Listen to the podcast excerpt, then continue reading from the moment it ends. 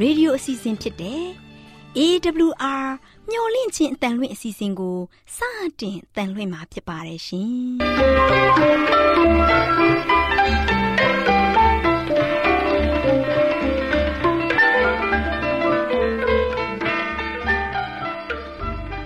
တော်တာရှင်များခင်ဗျာမျော်လင့်ခြင်းအတန်မြန်မာအစီအစဉ်ကိုနက်နက်6နိုင်မိနစ်30မှ9နာရီအထိ16မီတာ kHz 10653ညညပိုင်း9နာရီမှ9နာရီမိနစ်30အထိ16မီတာ kHz 19533ညမှ နေ့စဉ်အတန်လှွင့်ပေးနေပါတယ်ခင်ဗျာ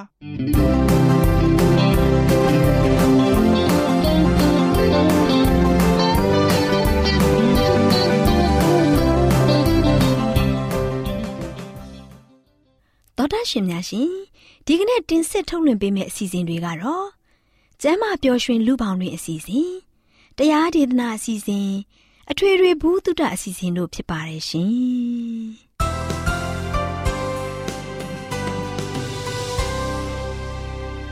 တော်တာရှင်များရှင်အာရော temperament လာပန်ကျမ်းမာခြင်းသည်လူသားတိုင်းအတွက်အထူးအရေးဖြစ်ပါသည်ဒါကြောင့်ကိုရောစိတ်ပါကျမ်းမာစေဖို့ယင်ကျမ်းမာခြင်းတရင်ကောင်းကို တင်ဆက်ပေးလိုက်ပါတယ်ရှင်။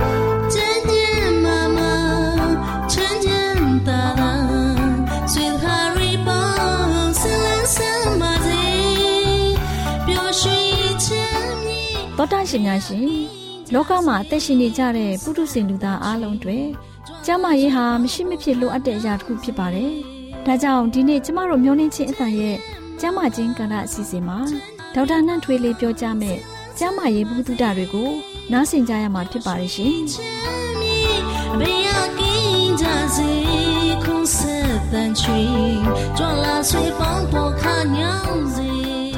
မင်္ဂလာပါရှင် ဒီနေ့ကျမ်းမာရေးကဏ္ဍမှာဒေါက်တာအက်မတ်ဂျေကော့ဆန်ရဲ့စိတ်ဖိစီးမှုအတွက်အကျော်ဖြေလေ့ကျင့်ခန်းကိုတင်ပြလိုက်ပါတယ်။တနေ့တာရဲ့စိတ်ဖိစီးမှုများကိုခံစားရတဲ့အခါမှာအောက်ပါအကျော်ဖြေလေ့ကျင့်ခန်းကိုပြုလုပ်နိုင်ပါတယ်။နံပါတ်1တက်တောင့်တက်တာလှဲလျောင်းပြီးစိတ်လျှော့ထားလိုက်ပါ။နံပါတ်2အသက်ပြင်းပြင်းရှူသွင်းပါထိုအခါခြေနှစ်ဖက်ကိုခေါင်းဘက်သို့အရောက်နိုင်ဆုံးရောက်အောင်ဆွဲယူပါအကျော်ခြေများတင်းလာတာကိုသတိပြုထားမိပါလိမ့်မယ် အဲ့ဒီချိန်မှာအသက်ကိုဖြည်းဖြည်းချင်းရှူထုတ်ပြီးခြေထောက်ကိုပြန်ချလိုက်ပါနံပါတ်3အသက်ပြင်းပြင်းရှူသွင်းစဉ်လက်သီးနှစ်ဖက်စလုံးကိုကြစ်ကြစ်ပါအောင်ဆုပ်ချင်းဖြင့်ပခုံးနဲ့လက်မောင်းကြွက်သားများကိုတင်းစီပါထို့နောက်လက်သီးစုပ်ကိုဖြည်းဖြည်းချင်းဖြည့်ပြီးအသက်ကိုရှူထုတ်ပါနံပါတ်၄နှစ်ဖူးရည်တွတ်အောင်မျက်မှောင်ကုတ်လိုက်ပါထို့နောက်ပြန်လျှော့လိုက်ပါ ထို့သောမျက်မှောင်ကုတ်စဉ်မျက်လုံးမေးယိုလယ်ပင်ပခုံးနဲ့ကြောပြင်အပေါ်ပိုင်းမှာရှိတဲ့အကြောများတင်းလာတာကိုသတိပြုမိပါလိမ့်မယ်ထို့နောက်ပြန်လျှော့လိုက်ပါနံပါတ်5ဝမ်းပိုက်ကြွက်သားများတင်းထားပြီးရင်ကောင်းကြွက်သားများတင်းမလာအောင်ပြုလုပ်ပါထို့နောက်ပြန်လျှော့ပါတစ်ကြိမ်နှစ်ကြိမ်များထပ်မံပြုလုပ်ပါနံပါတ်6ကြောပြင်ကိုတင်းလာအောင်ပြုလုပ်ပါတင်းကြောရိုးတစ်လျှောက်လုံးတင်းမာမှုကိုခံစားရလာပါလိမ့်မယ်ထို့နောက်ပြန်လျှော့ပါ ဤသို့နှစ်ခါသုံးခါဆက်လုပ်ပါနံပါတ်9အထက်ပါအတိုင်းတင်ပါပေါင်ခြေပွားခြေမျက်စိမှာရှိတဲ့အကျောအခြေအနေကိုအတင်းအလျှော့ပြုလုပ်ပေးနိုင်ပါတယ်နံပါတ်10အသက်မမှန်ရှူသွင်းရှူထုတ်ပြီးတအောင်တနာနားနေပါနံပါတ်9ထို့သောအကျောပြေလက်ကျင်ငံပြီးဆုံးသွားသောအခါအသက်ပြင်းပြင်းရှူသွင်းပြီးတကိုယ်လုံးကိုဆန့်ထုတ်လိုက်ပါဤအကျောပြေလက်ကျင်ငံကိုအသုံးပြုခြင်းအပြင်စိတ်ဖိစီးမှုကြုံတွေ့တဲ့အခါမှာ စိတ်သက်သာရာရနိုင်ပါတယ်။တင့်ရဲ့ဘဝမှာတွေ့ကြုံနေရတဲ့စိတ်ဖိစီးမှုတွေဟာတင့်ကိုဒုက္ခပေးမပေးအောက်ပါလူမှုဆက်ဆံရေးနှုံသားနဲ့ပြန်လည်ဆန်းစစ်နိုင်ပါတယ်။တနည်းအားဖြင့်စိတ်ဖိစီးမှုကို တိုင်းထွာတဲ့လူမှုဖြစ်စဉ်များဖြစ်ပါတယ်။တစ်ဖက်မှာဘဝဖြစ်စဉ်ဖိစီးမှုတန်ဖိုးရှိပြီးတစ်ဖက်မှာရမှတ်ဖြစ်ပါတယ်။အိမ်တောင်ဘက်သေဆုံးခြင်းရမှတ်တရားလင်မယားကွာရှင်းခြင်း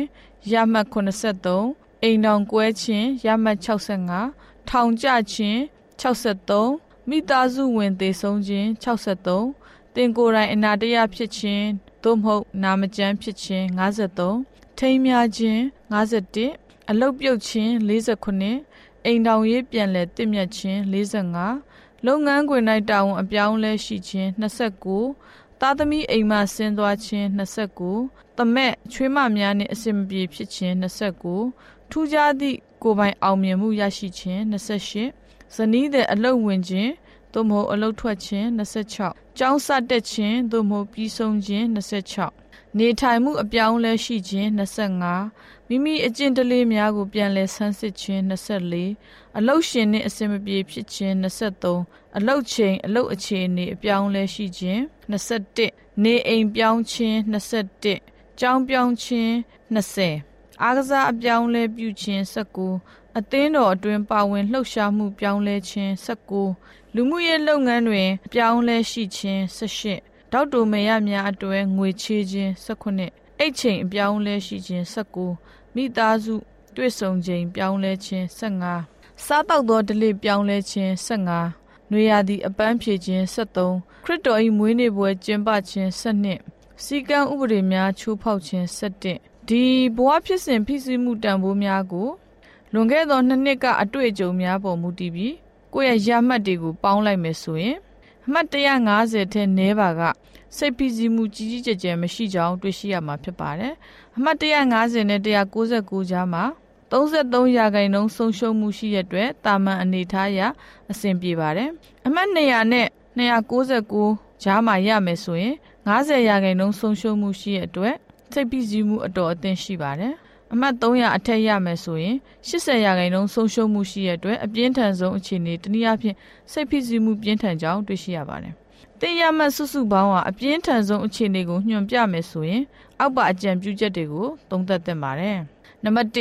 တင်ရဲ့ထိန်းချုပ်မှုအပေါ်မူတည်ပြီးဖြစ်ပေါ်လာတဲ့အပြောင်းလဲတွေကိုတဖြည်းဖြည်းချင်းလျှော့ချပါ။နံပါတ်2ကျန်းမာရေးနဲ့ညီညွတ်တဲ့အစာများကိုသာသုံးဆောင်ပါ။ ကျန်းမာရေးနဲ့ကိုက်ညီမဲ့ကာယလက်ကျင့်ခန်းကိုပုံမှန်ပြုလုပ်ပါနံပါတ်3စက်ကရိယာများနဲ့နီးတဲ့နေရာမှာအလုပ်လုပ်သည်ဖြစ်စေရင်မောင်းသည်ဖြစ်စေအထူးပြုပြုပါနံပါတ်4အပန်းဖြေအနားယူရန်တာမန်ပြောစရာကောင်းတဲ့လှုပ်ဆောင်မှုများအတွက်ပုံမှန်အချိန်အကန့်အသတ်ထားပေးပါ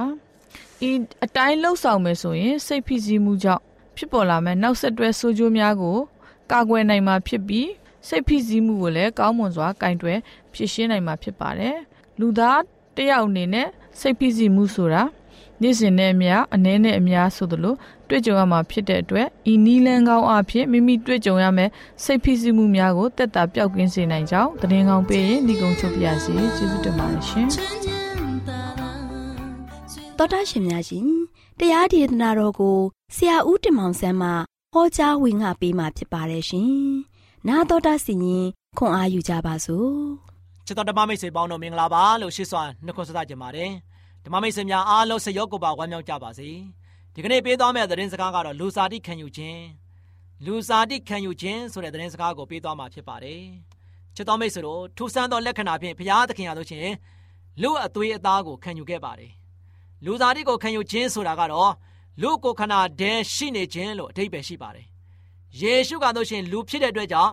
လူသားများရဲ့ပြဿနာကိုနားလည်ပါတယ် ကျွန်တော်တို့စင်ရဲမွဲတေခြင်းအဖြစ်ကိုလည်းသူကသိရှိနားလည်ခွင့်နားလည်ပါတယ်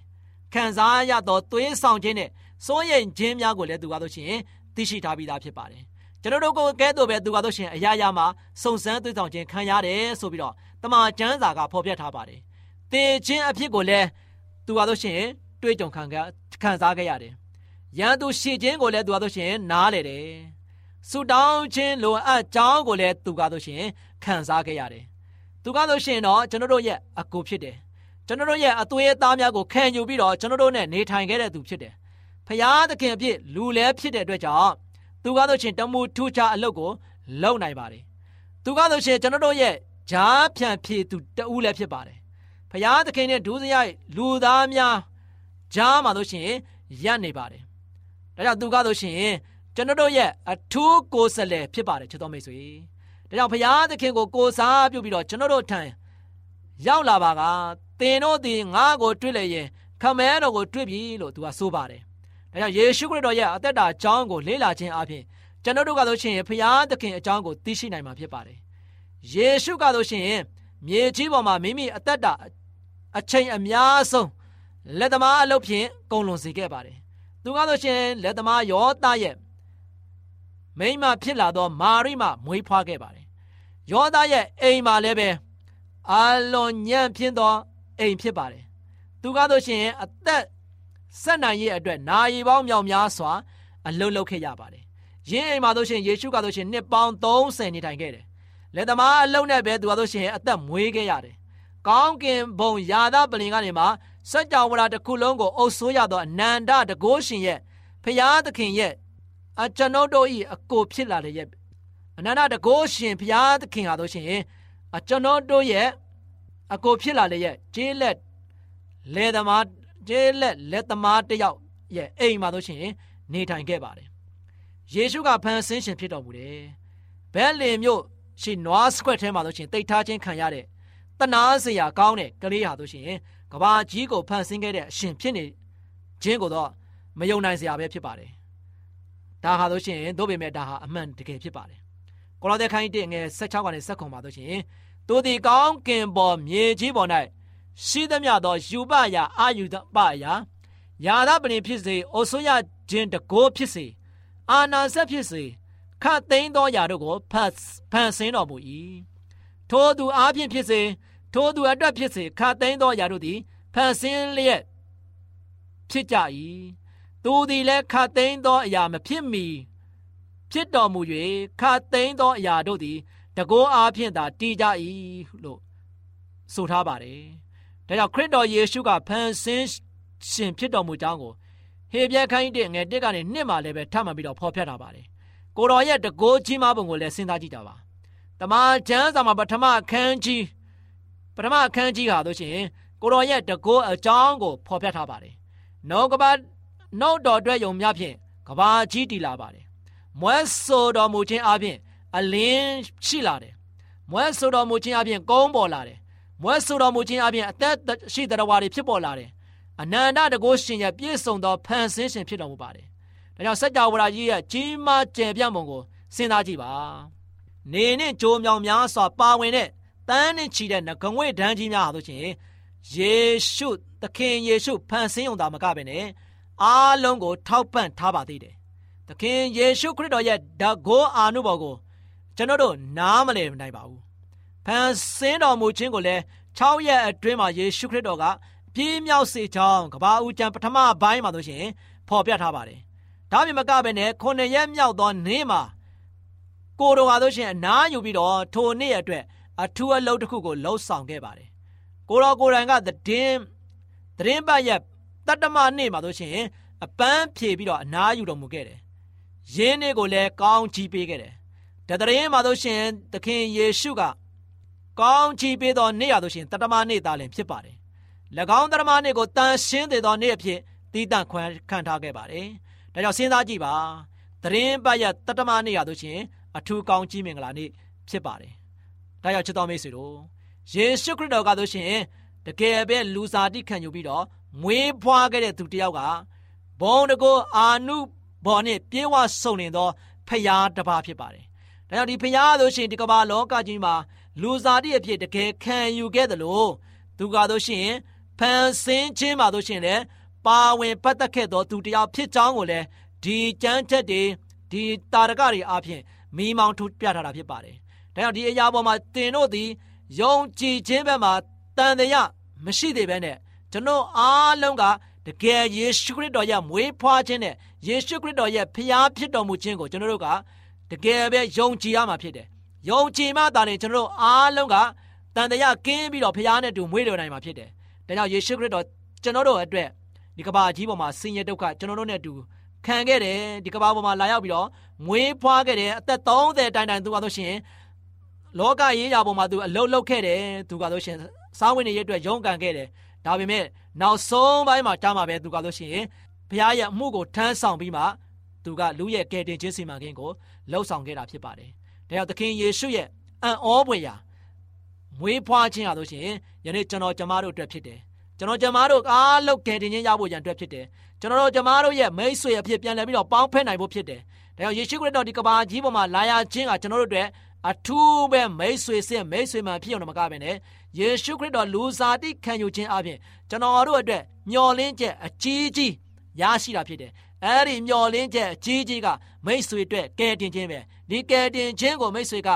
ရရှိခံစားနေရတဲ့ခါမှာယနေ့ဝမ်းမြောက်ပျော်ရွှင်စွာနဲ့ခရစ်မတ်ရာသီမှာတို့ရှင်ကျွန်တော်အားလုံးပျော်ရွှင်ဝမ်းမြောက်စွာနဲ့ဘုရားရှင်ရဲ့ဂုဏ်တော်ကိုချီးမွမ်းရည်တွက်ရင်အသက်ရှင်ကြပါစို့လို့အားပေးတိုက်တွန်းတဲ့ညီကုန်းချုပ်ပါတယ်ချစ်တော်မိတ်ဆွေများအားလုံးပေါ်ဘုရားသခင်ကြွယ်ဝများပြားစွာကောင်းမြတ်လာတော်ချပေးပါစေ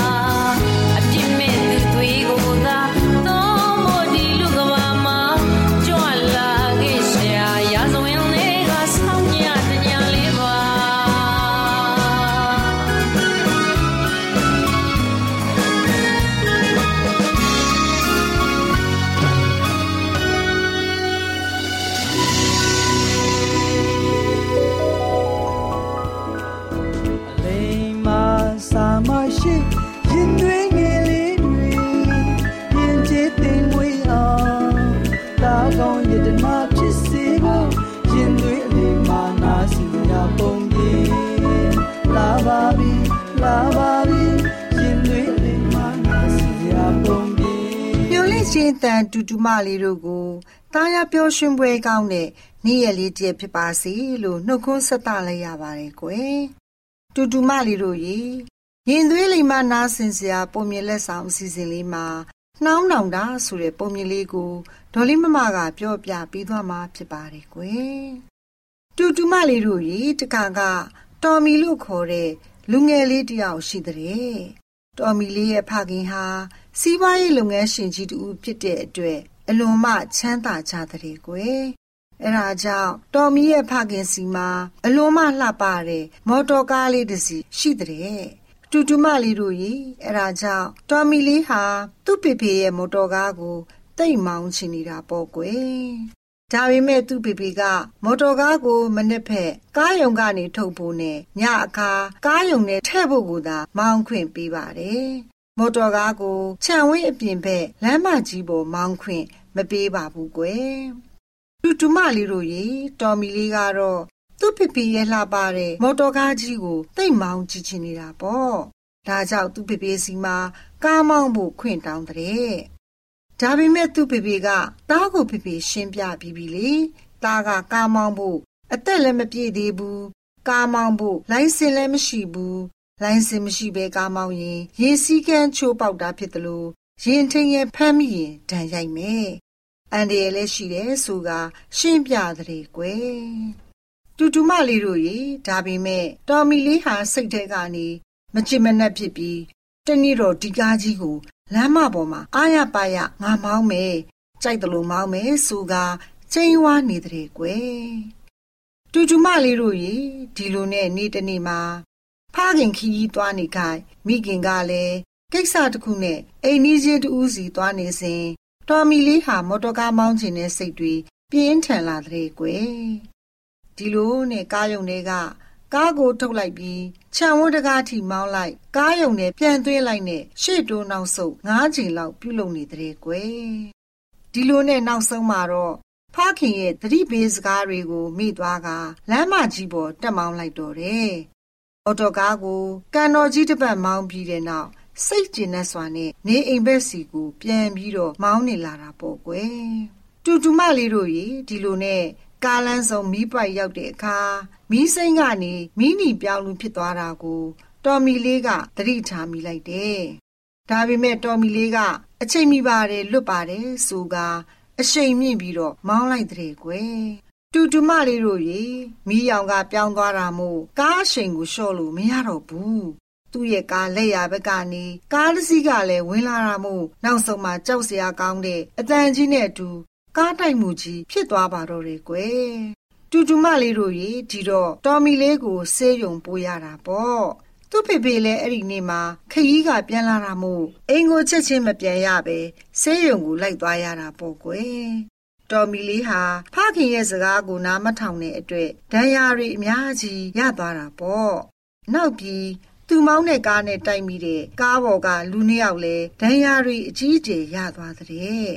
မော်တော်ကားနှစ်စီးစလုံးကလည်းသုံးမရနိုင်တဲ့အထိပြည့်စည်သွားတာပေါ့ကွယ်တူတူမလေးတို့ရေတော်မီလေးဟာအသက်မပြည့်အရွယ်မရောက်သေးတဲ့အတွက်ကားမောင်းလိုင်စင်မရှိတာမို့တရားစွဲခံရပါတော့တယ်ကွယ် တူတူမလေးတို့ရေတရားစွဲခံရတာကတော့တော်မီမဟုတ်ပါဘူးကွယ်သူ့ရဲ့ဖေဖေပဲဖြစ်တယ်တရားရုံးတော်ကနေလိုအပ်သလိုစစ်ဆေးပြီးပြည့်စည်ဆုံးရှုံးမှုကိုရော်ကြီးတန်ဖိုးငွေတတ်မှတ်လိုက်တဲ့ကွယ်တူတူမလေးတို့ရေဒီလိုဆုံးရှုံးမှုတန်ဖိုးငွေကို တော်မီလေးရဲ့ဖေဖေကပေးဆက်ရမှာဖြစ်တယ်။အဲဒါကြောင့်တော်မီလေးရဲ့ဖေဖေဟာတန်ဖိုးငွေပေးဖို့သူတို့နေတဲ့အိမ်ကြီးကို အစောတလင်ရောင်းလိုက်ရတဲ့။ ဒါကြောင့်ရတင်ရထိုက်တဲ့တန်ဖိုးငွေတွေကို အပြည့်အဝမရဘူးပေါ့ကွယ်။ဒါအပြင်မိသားစုတန်မိုးထားရတဲ့ပစ္စည်းတချို့ကိုလည်းရောင်းလိုက်ရတာပေါ့ကွယ်။တူတူမလေးတို့ရေဝမ်းနည်းစရာကောင်းတဲ့ဖြစ်ရလေးတစ်ခုပဲနော်အလွန်မှဝမ်းနည်းစရာစိတ်ပြက်အားလျော်စရာအဖြစ်ပြက်လေးပါပဲကွယ် တူတူမလေးတို့ရေဒီလိုဖြစ်ဖြစ်ရတဲ့အကြောင်းရင်းကအချိန်တန်ရွယ်ရောက်အောင် မဆောင်ဆိုင်နိုင် စိတ်မထိန်နိုင်တဲ့လူငယ်လေးကြောင့်ဒီလိုဝမ်းနည်းစရာနစ်နာစရာဆုံးရှုံးစရာကောင်းတဲ့အဖြစ်ပြက်တွေဖြစ်ခဲ့ရခြင်းပဲဖြစ်ပါတယ်ကွယ်တူတူမလေးတို့လည်းဒီပုံမြင်လေးကိုနားဆင်ပြီးတော်မီလေးကဲ့သို့တဆွတ်ထိုပြုလုပ်ခြင်းနဲ့စိတ်စိတ်ဆန္ဒစောတဲ့စိတ်နားမထောင်ခြင်းနဲ့စိတ်ထားတွေကို မထားရှိကြရဘူးနော် လူကြီးမိဘ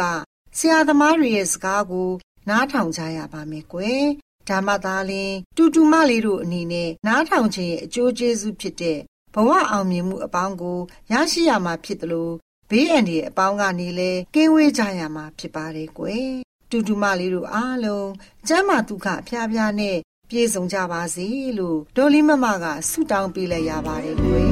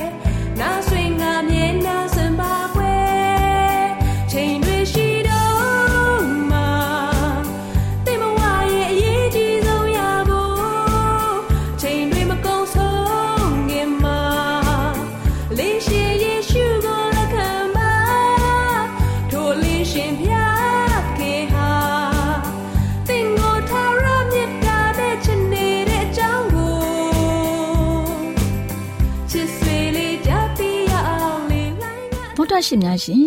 ကျမတို့ရဲ့ဗျာဒိတ်တော်စပေးစာယူသင်တန်းဌာနမှာ အောက်ပါသင်တန်းများကို ပို့ချပေးလျက်ရှိပါတယ်ရှင်သင်တန်းများမှာစိတ်ဓာတ်ဒုက္ခရှာဖွေခြင်းခရစ်တော်၏အသက်တာနှင့်တုန်သင်ချက်များတဘာဝတရားဤဆရာဝန်ရှိပါကျမ်းမာခြင်းနှင့်အသက်ရှိခြင်းသင်နှင့်သင်ကျမ်းမာရေးရှာဖွေတွေ့ရှိခြင်းလမ်းညွန်သင်ခန်းစာများဖြစ်ပါရဲ့ရှင်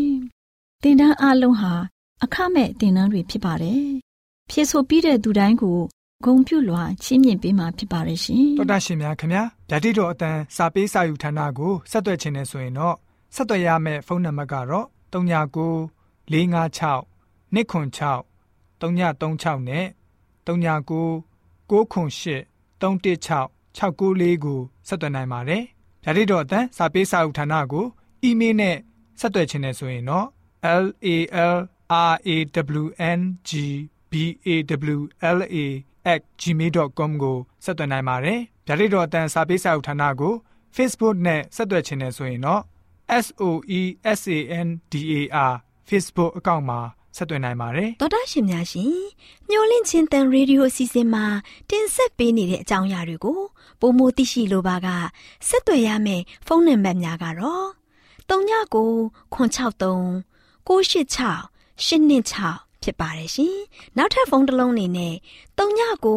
06 088 0669တို့ဆက်သွယ်မြင်းမြန်းနိုင်ပါတယ်ရှင်။တော်တာရှင်များရှင် KSTA အာကခွန်ကျွန်းမှာ AWR မျိုးလင့်ချင်းအတံမြန်မာအစီအစဉ်များကိုအတံလွှင့်ခဲ့ခြင်းဖြစ်ပါတယ်ရှင် AWR မျိုးလင့်ချင်းအတန်ကိုနာတော်တာဆင် गे ကြတော့တော်တာရှင်အရောက်တိုင်းပေါ်မှာဖျားသခင်ရဲ့ကြွယ်ဝစွာသောကောင်းကြီးမင်္ဂလာတက်ရောက်ပါစေကိုယ်စိတ်နှဖျားစမ်းမွှေလန်းကြပါစေ ကျေးဇူးတင်ပါတယ်ခင်ဗျာ